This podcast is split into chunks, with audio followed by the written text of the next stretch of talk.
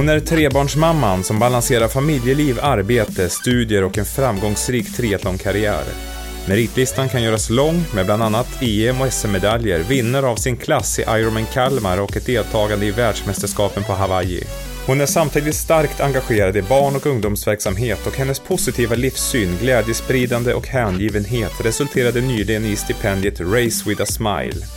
I dagens avsnitt av Det kallar oss atleter möter vi Marie Sandberg.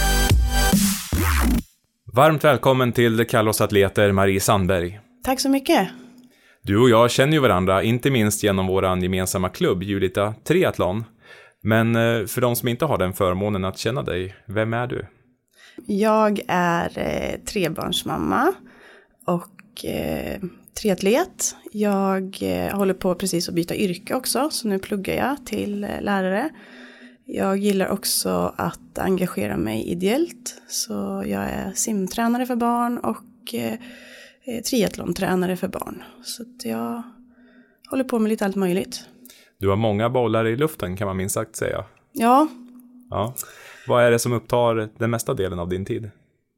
Mm, det är väl egentligen familjen och eh, ja, det är svårt att svara på. Familjen, studierna och eh, sen är det ju mycket träning. Sen jobbar jag lite extra så att det känns lite som att det går för runt liksom hela tiden. Men ditt liv som triatlet, eller atlet kanske man ska säga, för du gör lite annat också än bara simmar, cyklar och springer. Ja, eh, jag tycker om att åka skidor så att jag har kört några Vasalopp och eh, sen så tycker jag om att köra lite löpartävlingar och simtävlingar ibland och så också. Och sen tränar jag lite gymnastik. Ja, och om vi blickar tillbaka på eh, din idrottsliga karriär, vilka vilka höjdpunkter har vi här genom åren? Vilka skulle du vilja belysa? Eh, ja, alltså det största är nog egentligen när jag vann min age group i Kalmar 2018. Måste det väl ha varit. Eh, när min yngsta var bara drygt ett år. Och jag hade haft en jättebra säsong där kroppen kändes jättefin. Och kom till Kalmar där man brukar väl säga att det inte finns ett perfekt Ironman-race, men det var, det var ganska nära det ändå. Jag var tvungen i och för sig att gå på toa eh, när det var två kilometer kvar av löpningen, men eh, eh det, var, det var en härlig känsla och då kvalade jag ju till Hawaii. Eh, sen har jag ju, jag var ju i Polen och tävlade på EM i full distans, så Ironman-distansen då, men det var inte Ironman som ordnade. 2016. Så där tog jag ett brons. Men, men jag tror känslan var nog härligast då i Kalmar faktiskt. Ja, och nu har du pratat om eh, Ironman-distansen, men du tävlar ju inom triathlon på alla distanser. Ja, jag tänkte ganska länge att jag var liksom långdistansare, att jag inte var någon sprinter utan att jag skulle hålla mig på medeldistans och Ironman. Men sen, jag vet inte riktigt vad det var för tävling jag testade, men så var det ganska roligt och gick rätt så bra. Så nu har jag kört ganska mycket tävlingar i Svenska Kuppen och då är det ju på sprintdistans och olympisk distans. Eh, och det har också gått bra. Ja, det kan man minst sagt säga, för hur gick det under säsongen 2019? Eh, då vann jag alla deltävlingarna i min klass och vann eh, kuppen då. Helt fantastiskt. Stort grattis. Tack så mycket. Ja.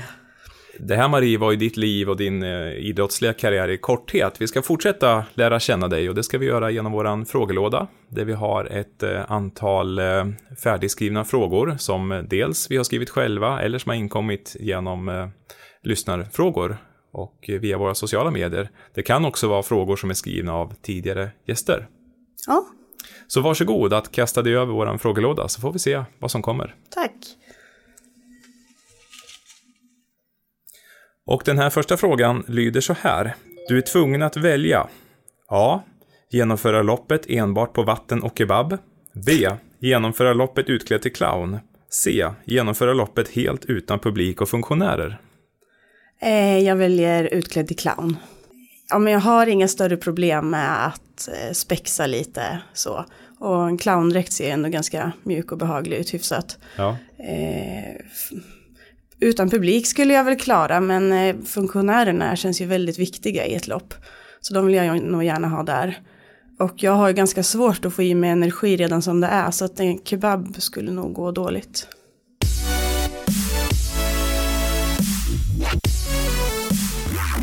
Vi fortsätter Marie och vi tar en ny fråga. Ja. Du har en hög position inom Svenska Triathlonförbundet och ni har tilldelats ett ekonomiskt stöd på 100 miljoner kronor som du har uppdraget att använda för sportens utveckling. Vad skulle du göra? Oj, svår fråga. Eh, jag, jag tror att jag dels skulle vilja använda det för att eh, göra triathlon eh, tillgängligt. Eh, det är fortfarande en ganska dyr sport, tänker jag. Det är ganska dyra startavgifter. Eh, och sen så skulle jag nog kanske också lägga en del på elitverksamhet. Det är ju ett ganska litet förbund. Och jag har väl inte full koll, men jag tror att det kanske är så att det inte finns möjlighet till jättemycket stöd för våra elittriatleter. Så att någonstans där både på bredd och elit tror jag. Mm. Tack. Vi tar en ny fråga. Mm. Den här frågan lyder så här. Vad vill du att det står på din Wikipedia-sida när du är 65 år? Oj. Har du en eh, Wikipedia-sida? Eh, det tror jag inte. Nej. Jag har i alla fall inte skapat någon själv. Ehm, ja, jag tänker att eh, det får, ja, det kan väl stå med lite resultat men jag skulle nog bli glad om det står med också att jag har eh, kanske engagerat mig eller bidragit till eh, någon form av glädje för andra som har hittat rörelseglädje eller glädje med idrott eller känt sig sedda som barn och ungdomar. Finns det några idrottsprestationer som du skulle vilja stod med på den sidan? Eh, det kan ju vara roligt att eh, skriva om eh, de medaljer jag har tagit, tänker jag.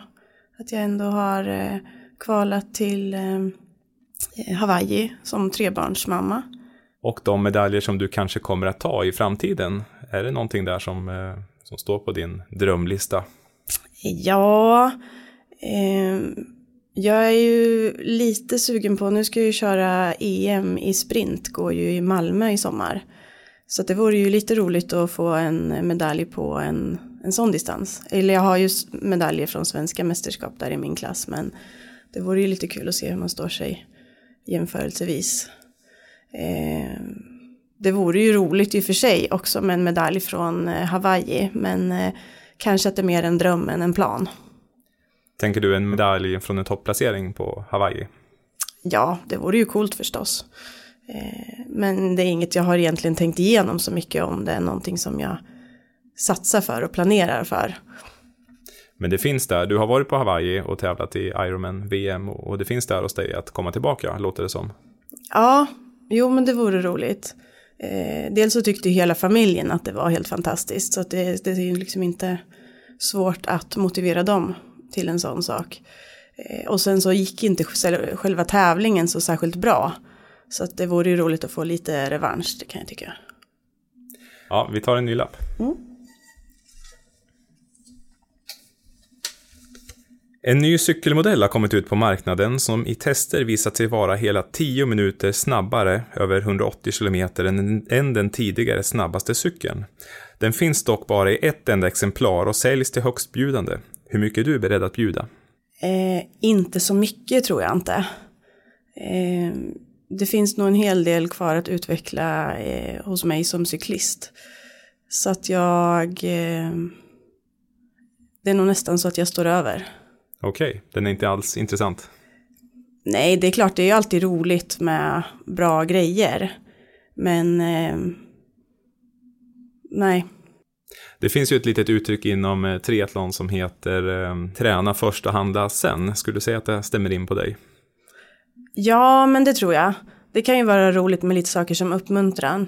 Eh, sen kan man ju handla saker som kanske mer bidrar till träningen. Jag tänker att en sån cykel skulle ju förmodligen bli himla dyr. För att eh, cyklar, de cyklarna som finns nu är ju dyra som de är. Eh, man kan ju få ganska många träningsläger för de pengarna istället tänker jag. Så man skulle kunna förbättra sin cykeltid. Och de här tio minuterna som supercykeln skulle generera, hur skulle du istället kunna hämta in dem genom träning exempelvis? Ja men då tror jag nog att jag skulle satsa på träningsläger, komma iväg och, och kunna cykla mycket. Eh, koncentrera mig på det i ett par veckor och få lite berg och lite så. Bra, vi tar en ny fråga. Ja. Yeah. Här kommer en lyssnarfråga från Claes. Om du fick tillbringa en hel dag med en person, vem som helst, död eller levande, vem väljer du då? Eh, jag tror faktiskt att jag skulle välja Malin Alvén.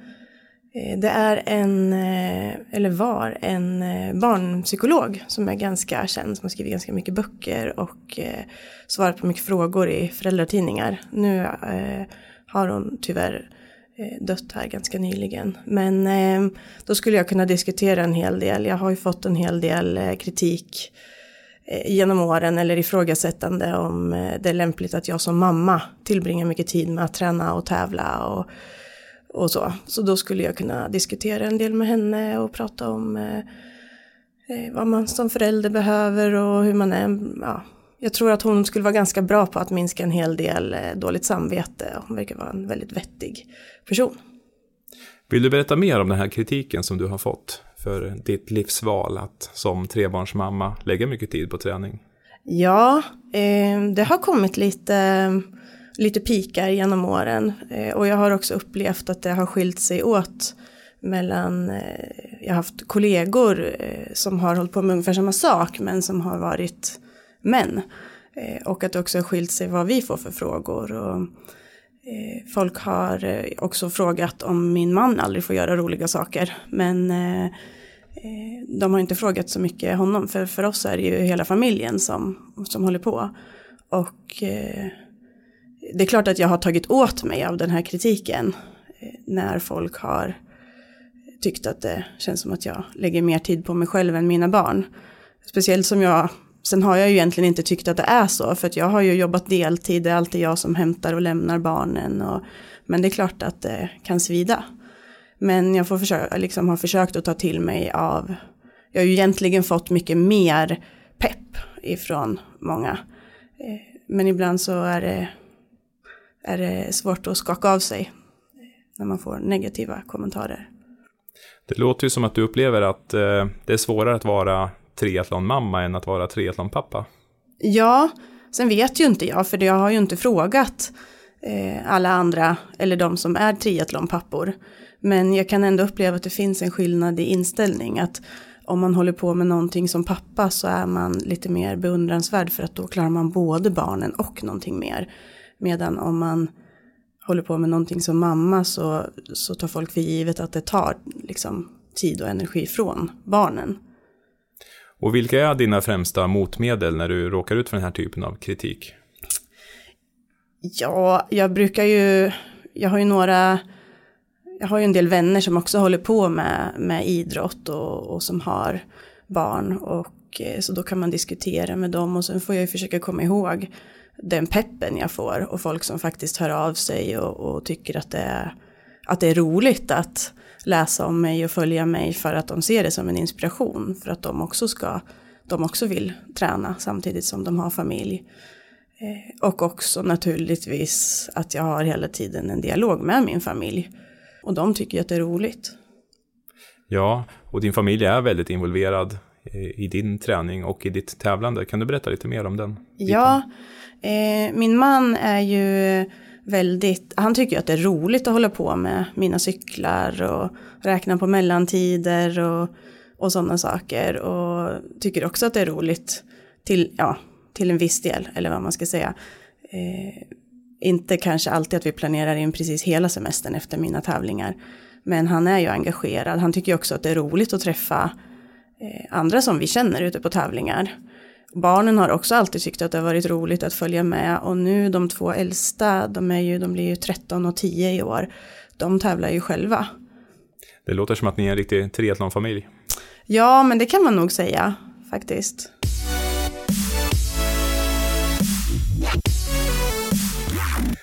Du ska berätta för dina barnbarn om din idrottskarriär, men de orkar bara lyssna i en minut. Hur använder du tiden? Ehm, jag, jag berättar nog att jag har hållit på med en sport där man simmar och cyklar och springer och håller på ganska länge. Och att jag tyckte att det har varit väldigt roligt. Och att jag tyckte om att träna för att jag kände mig stark och för att jag gillade att träffa kompisar. Och jag tror kanske inte att jag skulle prata så mycket om eh, medaljer och, och sådana saker. Det skulle de säkert fråga om, tänker jag. Barn, det brukar vara ganska viktigt för barn. Vann du? Fick du guld? Så, så att, då kan jag svara på frågan då. Är det viktigt för dig att vara en förebild för dina barn och sen dina kommande barnbarn? Ja, men det tycker jag. Jag tänker nog ganska mycket på sånt. Jag har ju också haft eh, ätstörningar i ganska många år så jag tänker ganska mycket på hur jag, hur jag förmedlar eh, synen på kroppen och mat och rörelse och sådana saker så att det ska vara på ett, ett positivt sätt och inte prata så mycket om vad som är bra och dåligt och så. Har du några exempel där på hur du kan prata kring eh, träning och hälsa och kroppen? Ja, men de har nog ibland frågat varför jag tränar mycket. Och då har jag sagt att jag tycker om att tävla och vill känna mig stark på tävlingar. Eh, jag skulle ju aldrig säga att det, är, att det handlar om något utseendemässigt eller någonting sånt. Eh, och när vi pratar om mat och godis och sådana saker hemma så vi brukar prata om vad man, vad man behöver liksom för att må bra och vara stark. Eh, godis är jättegott men man blir inte så stark av det så därför äter man det bara ibland. Eh, jag brukar sällan använda uttryck som nyttigt och onyttigt eller att saker är dåligt. Varken när det gäller mat eller träning utan försöker få det liksom allmänt till att det är roligt att röra på sig och känna sig stark och må bra och så. Du som är väldigt engagerad i barnverksamhet eh, och nu också utbildar dig för ett yrke med barn då, som lärare. Ja. Hur upplever du att eh, många föräldrars inställning till eh, kost och, och träning förhåller sig? Jag kanske upplever att det är många föräldrar som ändå förmedlar en medvetet eller omedvetet men en syn på att vissa saker är dåligt, vissa saker är bra, eh, att man måste äta grönsaker, man måste röra på sig och glömmer bort det här att liksom både att äta och träna ska vara lustfyllt. Och sen är det ju många föräldrar som kanske av omtanke också nu inte låter barnen röra sig så mycket till vardags. Man skjutsar dem och hämtar dem och, eh, och det är ju lite synd. Man missar ju det här att eh, cykla och gå till aktiviteter och göra sällskap. Och många är ju ganska stressade också. Det går fortare att bara skjutsa barnen än att kanske cykla med dem till träningen. Få en pratstund under tiden. Det gör jag också ibland på grund av tidsbrist. Har du några goda råd till andra föräldrar hur man ska tänka kring de här frågorna? Lite korta, konkreta saker som är enkla att bära med sig. Nej men försöka vara en förebild och eh, förmedla liksom rörelseglädje. Och inte prata så mycket överhuvudtaget egentligen om eh, kroppar och utseende. Man behöver liksom inte prata om att, ja, man behöver inte bedöma andra utefter hur de ser ut. Man behöver inte kommentera folk på tv eller kommentera sina egna barn eller sin egen kropp utan prata om träning och rörelse och så mer ur ett glädje och må bra perspektiv.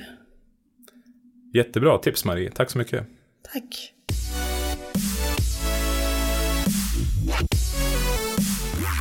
Du är i knapp ledning i en stor triathlon-tävling när du under andra varvet på cyklingen kommer ikapp din partner som står vid väg vägkanten med punktering. Vad gör du? Ja, alltså... Det är ju inte sådär jättemycket att göra egentligen. Jag får väl slänga till en, en slang. Nu är jag faktiskt lite osäker på vad som skiljer på Ironman-regler och vanliga regler. Men jag får ju inte hjälpa honom att byta den där punkan i alla fall. Så att jag får väl ropa några uppmuntrande ord och eh, cykla vidare.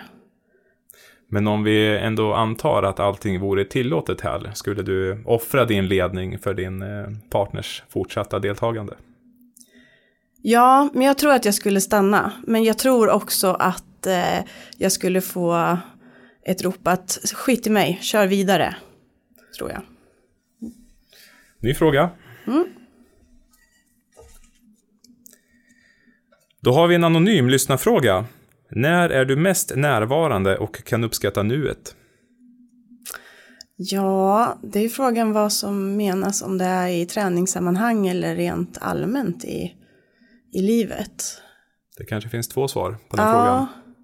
När det gäller träning så skulle jag nog säga att det är när jag springer i skogen. Eh, då kan jag tycka att jag faktiskt är ganska duktig på att uppskatta liksom eh, solen som kommer fram eller fågel som kvittrar eller det är nog ren meditation för mig faktiskt, att vara ute på långpass i skogen. Och eh, annars mer privat så mycket när jag faktiskt är med min yngsta, eller rättare sagt att sen vi fick vår yngsta, att jag har blivit mycket bättre på att uppskatta tid eller liksom stunder i nuet med barnen. Jag var kanske lite mer stressad när de två stora var små. Så att eh, våran sladdis har fått mig att kunna uppskatta liksom stunder med familjen och så.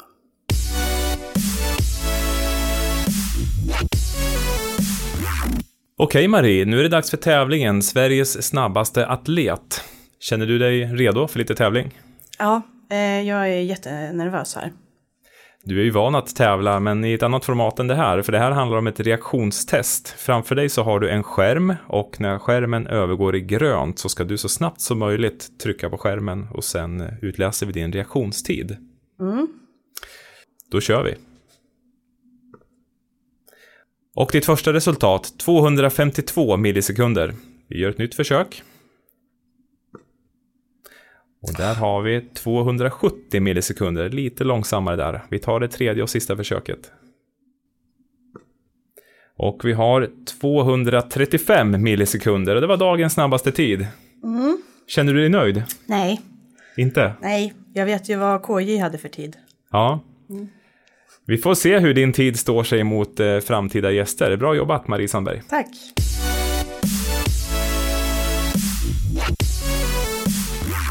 Ja, Marie, då är vi tillbaka till frågelådan och vi tar en ny lapp. Ja. Det här är en lyssnarfråga från Daniel.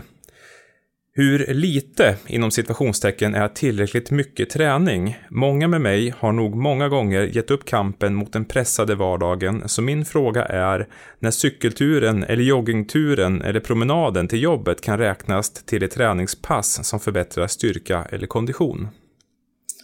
Okej, okay. ja, jag tänkte när du läste början på frågan så tänkte jag att eh, lyssnaren var ute efter någon veckomängd som var, men det är alltså ett pass. Eh, jättesvår fråga. Men jag tänker å andra sidan att alltså cykelpendlar man även om det är på en vanlig cykel. Tar du en 20 minuter till jobbet och 20 minuter tillbaka då har du ju förmodligen cyklat en mil. Eh, och jag tänker att då blir det fem mil i veckan, det är 20 mil i månaden. Så det måste man väl kunna räkna in tänker jag. Om det får, om inte annat så kanske det får en att må bättre och bli lite mindre stressad. Och eh, löpning, man måste väl kunna få till ganska, alltså har man bara tid att springa 20 minuter så kanske man kan eh, värma upp fem minuter och sen köra lite fartlek så måste man ju kunna räkna till det som träning. Så jag tycker inte att man ska känna att man ger upp bara för att man har korta stunder. Men frågans inledning, hur lite är tillräckligt mycket träning? Om man kommer till Ironman och eh, till de som funderar på en sån satsning eh, i kombination med ett pressat livspussel. Vad tror du är tillräckligt lite träning? Ja, för att lyckas med en sån satsning? Det är klart att det beror ju lite grann på vad man har för mål och förmod, eller såklart också vad man har för träningsbakgrund om man börjar från noll eller inte. Jag hade ju ändå, jag hade gjort en klassiker innan jag började med triathlon så jag hade ju ändå liksom lite, min kropp var ju ändå van vid lite träning. Men om man säger det året när jag kvalade till Hawaii så hade jag ju ett snitt på åtta timmar i veckan om man slog ut över året. Det är ju en dryg timme om dagen så det är ju, det gick ju uppenbarligen bra man behöver kanske få till ändå så att man kör kanske något pass per eh, gren i veckan. Några lite längre. Men ta sig runt en Ironman, det tror jag ändå att man eh, klarar på inte jättemycket träning. Det är svårt att säga såklart en, en eh, bestämd tid i veckan. Men jag tror inte att man ska skrämmas av att man har folk runt omkring sig som tränar väldigt mycket i mängd. Man kan ju ta hjälp av någon kanske också om man tycker det är svårt och, så att man får bra kvalitet på de passen man har tid med. Men du Marie måste ju vara expert på att eh, få ihop livspusslet. Har du några goda råd hur man eh, effektiviserar sin tid i kombination med arbete och i ditt fall studier och eh, ett aktivt familjeliv? Ja, skaffa sig en bra man, tänker jag. Ett bra tips. Nej, men skämt åsido. Eh, jag tycker ju egentligen att det är ganska jobbigt med planering. Jag kan ju ibland känna att jag skulle kanske ha tid att träna ett pass till efter det där föräldramötet när barnen har gått och lagt sig. Men jag orkar liksom inte riktigt planera in en sak till. Men annars så är ju egentligen planering också A och O. Eh, fundera på om man kan kombinera. Jag har någon gång eh, startat en halvtimme tidigare när jag ska lämna på förskolan och tagit löparvagnen. Så har vi sprungit en omväg. Lämnat på förskolan, sprungit hem, sen suttit och pluggat. Eh, och just inte tänka kanske det här att jag har för lite tid. Eh, för att en halvtimmes löptur är ju liksom bättre än ingenting. Så att man inte, att det inte blir för stor grej av att man är stressad och har mycket. Jag vet inte om det är otydligt eller om du förstår vad jag menar. Jag förstår. Mm. Men händer det ändå att du blir stressad över din träning när du inte får till det så som du skulle vilja? Ja, absolut, det tycker jag. Eh, nu här så har, först så var min minsta sjuk. Och jag brukar ibland nu när jag pluggar passa på att trycka in något pass på lunchen till exempel. Eh, för att ha mer tid över till familjen på kvällen. Men då hade jag honom hemma samtidigt som jag skulle försöka plugga och kunde jag absolut inte liksom träna någonting på dagarna. Och sen blev jag själv sjuk. Eh, och då blir jag stressad. Jag försöker att inte bli det men eh, det blir jag. Absolut. Och hur eh, hanterar du det på bästa sätt? Ja, ibland får jag lov att låta bli sociala medier. För då känns det som att går jag då in på sociala medier så känns det som varenda människa jag känner är på träningsläger eller sitter hemma och kör långpass på trainern. Och då blir jag ännu mer stressad. Eh, jag får försöka tänka att jag kan inte liksom jämföra mig med andra. Jag har ju den livssituationen som jag har. Eh, så framförallt att inte jämföra sig med de som har möjlighet att lägga mycket mer tid.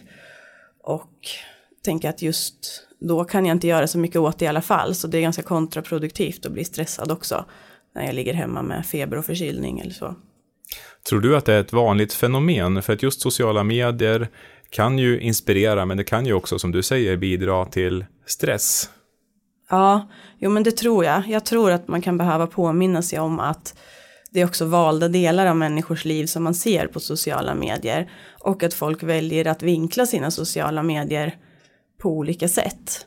Eh, en del använder ju det till att bara visa sin träning till exempel. Och, eh, så att, eh, och det är väl olika hur känslig man är, hur stressad man blir av det. Men det kan ändå kanske vara bra att ha med i bakhuvudet att inte jämföra sig för mycket med andra genom att se deras sociala medier. För vi har ju ingen aning om hur många gånger de har suttit hemma och varit stressade istället. Vi tar en ny fråga. Ja.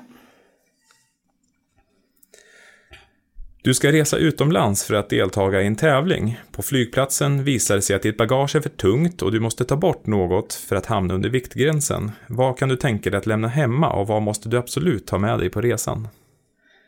Eh, jag skulle ju säkert förmodligen kunna plocka ur hälften av mina kläder så skulle det bli lite eh, lättare. Jag är inte så bra på att packa lite. Jag är mycket så här för säkerhets skull. Så att jag skulle säkert kunna packa ur eh, något par löparskor också. För man kanske inte behöver tre. Eh, Vad är det någonting som du absolut måste ha med dig? Jag skulle kanske ha svårt att plocka ur av energin. För jag är ganska känslig för vad jag stoppar i mig på tävling.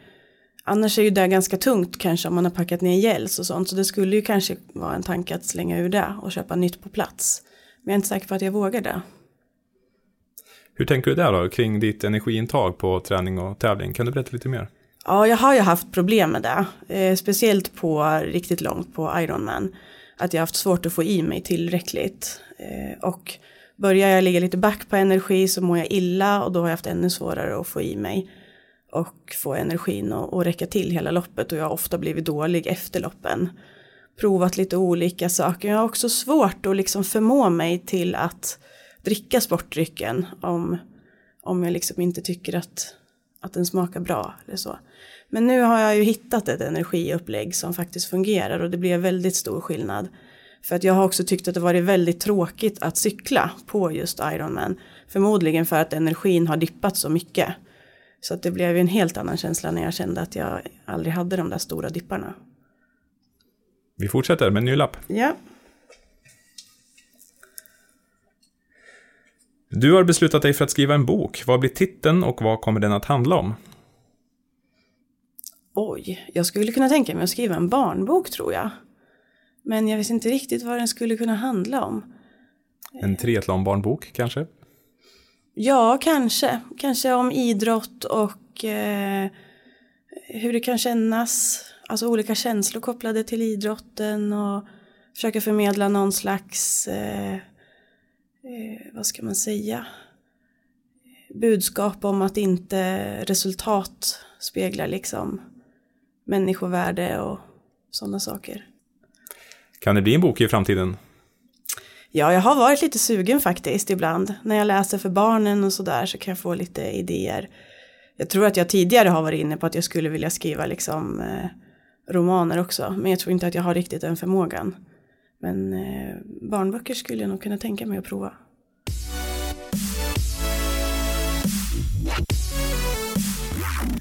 Du har blivit erbjuden ett guldkantat sponsoravtal som skulle trygga försörjningen för dig och din familj för lång tid framöver. Sponsorn kräver dock att du väljer att tävla i endast en av grenarna inom triathlon. Vad skulle du svara? Jag tror, ja.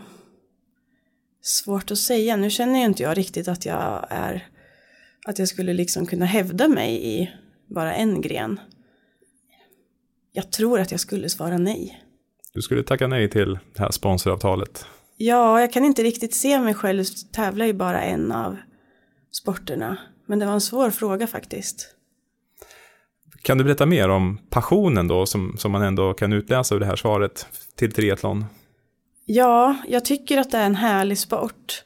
Dels så tycker jag att det är en eh, härlig stämning bland eh, tävlande. Det är ju en ganska bra publiksport eh, som min familj också gillar i och med att man är inne och växlar och, och varvar och det är en helt annan känsla tycker jag innan start också på ett triathlonlopp än på ett rent löplopp eller eh, eh, om man ska simma typ Vansbrosimningen och, och så. Jag gillar också att man håller på länge. Det är klart, man kan ju, det finns ju cykeltävlingar där man håller på i många timmar och man kan ju springa ultra och så också. Men, ja, jag gillar att det kan hända ganska mycket mellan de olika grenarna. Och det som också har passat mig väldigt bra med triathlon är att jag har hållit mig hyfsat skadefri.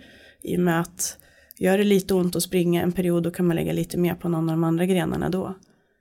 Har du någon favoritgren? Jag är ju löpare från början och har länge känt att löpning är favoritgrenen. Mm, sen tycker jag väldigt mycket om att simma, jag älskar att vara i vatten. Och nu när det har börjat gå lite bättre att cykla då är det så att jag, det är svårt. Förut har jag alltid självklart svarat löpningen. Men eh, nu har jag lite svårare att rangordna grenarna. Du har tre favoriter. Ja, faktiskt. Ja, vad härligt. Ja. Ja, vi fortsätter. Mm. Moa har skickat in en lyssnarfråga. Vilket är det jobbigaste loppet du har genomfört och varför? ja, men det måste jag nog säga var faktiskt Ironman på Hawaii. Berätta.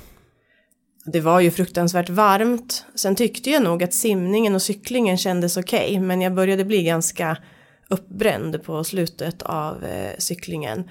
Så sen fick jag lite frossa på löpningen. Och jag kände direkt när jag sprang ut från växlingsområdet att kroppen inte var med på noterna. Jag kände mig liksom tung i kroppen och jag hade svårt att sätta fingret på vad det var men eh, det, det kändes inte bra. Och sen så per omgående så fick jag börja besöka varenda bajamaja för jag fick problem med magen. Jag gick långa sträckor, det har jag nog egentligen aldrig gjort förut. Och på slutet när det bara var en eller två kilometer kvar så stod familj och vänner och hejade på och jag orkade i alla fall inte springa sista biten och annars så brukar jag alltid kunna på ren vilja ha ganska mycket kraft sista kanske två kilometrarna för att det står mycket folk och hejar och så men nej det var tufft. Och vad händer då i hjärnan hos Marie Sandberg under det här momentet när det är som allra jobbigast? Ja, det var ganska mycket tankar. Eh, först, jag räknade liksom om flera gånger att ja men jag kanske kan klara den här tiden istället. Eller om jag orkar hålla det här tempot så kan jag klara den här tiden istället. Och så blandas det, men jag skiter i tiden. Jag struntar i det här, jag lägger mig och sover. Eh, sen hade jag också flera tankar om att jag gjorde folk besvikna som satt hemma och följde tävlingen. Att jag inte skulle leva upp till andras förväntningar. Eh, och, men mot slutet så var det nog, jag var så trött så att då var det bara, jag ska bara ta mig i mål.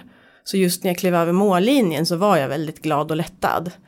Eh, men sen så var jag ganska missnöjd efteråt för att jag inte hade haft känslan jag ville ha och jag tyckte att jag hade dålig tid och så. Ja, det låter ju som en rejäl mental brottningsmatch mot dig själv.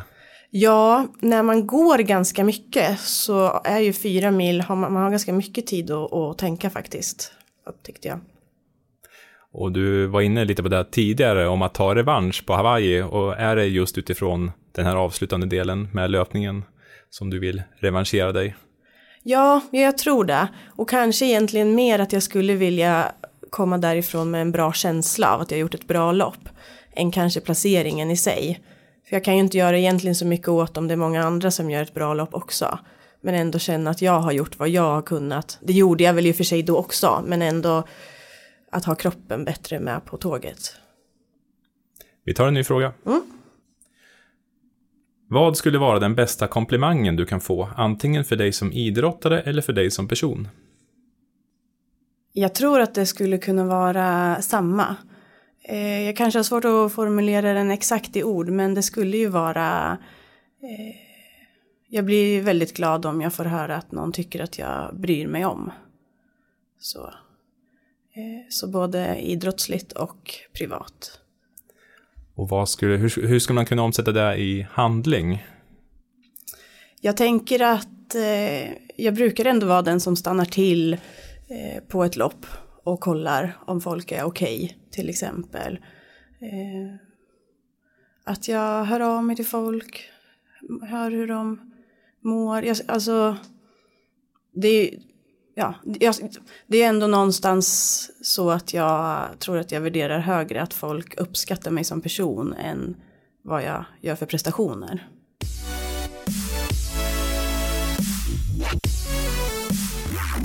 Rangordna följande. Diskhjul, elektroniska växlar, effektmätare. Ja, eh, diskhjul och elektroniska växlar har jag ju inte provat. Jag har precis fått hem ett par effektmätare jag tänker att jag rankar effektmätarna högst. För att jag tror att det kan ha ganska stor effekt för min eh, träning. Eftersom jag gärna vill fortsätta förbättra mig på cykling och jag lätt börjar dagdrömma om jag ska försöka köra lite hårdare när jag kör utomhuscykling. Så det rankar jag högst. Sen tror jag elektroniska växlar, många säger att det är smidigt. Och diskhjul sist för att jag cyklar inte tillräckligt fort för att ha så bra effekt av det. Tack. Vi tar en till fråga. Mm. Om du hade mandat att göra en regeländring i Ironman, vilken regel skulle du ändra och hur?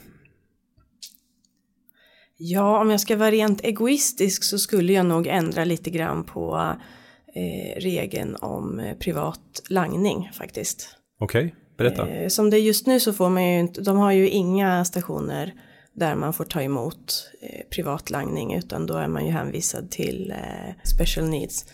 Och eh, jag tycker ju att det vore väldigt smidigt om man kunde få lite, lite hjälp med lite langning.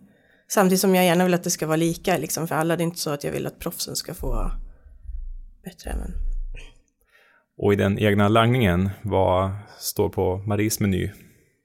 Ja, egentligen just nu är det nog bara påfyllning av den sportdrycken som jag använder så att jag slipper liksom släppa med mig lika mycket på cykeln.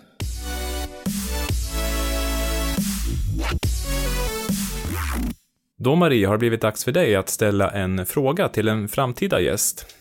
Hur eh, skulle den låta? Ja, jag tänkte så här, om du där du befinner dig nu i din idrott skulle få ge ett gott råd till dig själv som nybörjare, vad skulle det vara? Tack så mycket. Men hur skulle du svara på den frågan? Nej, men jag skulle nog säga till mig själv att eh, ta det ganska lugnt och eh, lyssna på kroppen och inte jämföra mig så mycket med andra. Är det en stor risk tror du som nybörjare att man eh, är ivrig och kanske vill mer än vad man eh, klarar av? Ja, men det tror jag absolut. Och nu finns det ju också ganska mycket lättillgängliga träningsprogram och som eh, folk hittar på nätet och så. Och så bestämmer man sig för att följa något sånt och fortsätter även om man känner att det börjar göra ont i ett knä och så. Mm. Nu börjar vi närma oss slutet av den här podden och eh, vi har kommit fram till det som heter fem snabba frågor, där du får två alternativ och ska välja det ena eller det andra och du får inte utveckla dina svar. Okej. Okay. Känner du dig redo? Ja. Vatten eller sportdryck? Vatten. Motvind eller regn? Regn. Snygg eller snabb? Snabb. Diarré eller kramp? Diarré. Skoskav eller skrevskav? Skrevskav. Tack för det. Nu står vi inför en ny säsong, Marie, och hur ser din eh, plan ut för året som kommer? Jag har planerat in att köra EM på halv Ironman i Helsingör. Eh, det körde jag förra året också och tyckte det var en väldigt trevlig tävling. Så det ska bli roligt. Och sen så är det ju sprint-EM i Malmö och Ironman Kalmar som finns på agendan. Sen skulle jag vilja få till eh, några SM-lopp. Jag har tänkt att köra SM i sprint i Linköping. Sen får jag se om jag får till eh, medeldistans-SM och lite sådär. Det är lite grann som ligger öppet. Kan du säga, är det någon av de här tävlingarna som är eh, särskilt viktig för dig? Ja, jag skulle ju, eftersom det gick så himla bra i Kalmar sist, så skulle jag ju vilja kunna få behålla den känslan. Så att eh, jag satsar ganska mycket på att känna att jag gör ett bra resultat i Kalmar. Så Ironman Kalmar är årets A-tävling? Ja, det skulle jag nog säga. Och om man vill följa din framfart eh, inom träning och tävling, hur gör man det på bästa sätt? Man kan ju följa mig på Instagram om man vill. Där heter jag Marie Sandis. Eh, det är lite blandat träning och familj. Och sen så har jag en blogg som är lite mer träningsinriktad. Eh, som finns på marisandis.se. Kanske har varit lite dåligt uppdaterat just för tillfället men det kommer. Det har varit jätteroligt att prata med dig Marie. Stort tack för din medverkan i Det kallar oss atleter och ett lika stort lycka till med framtiden. Tack så mycket och tack för att jag fick komma och gästa er. Följ gärna Det kallar oss atleter på Instagram och Facebook där du även kan skicka in dina egna frågor till frågelådan. Podcasten Det kallar oss atleter görs av mig, Mikael Kjellander och producent Tim Nordlöf genom Oddesty AB.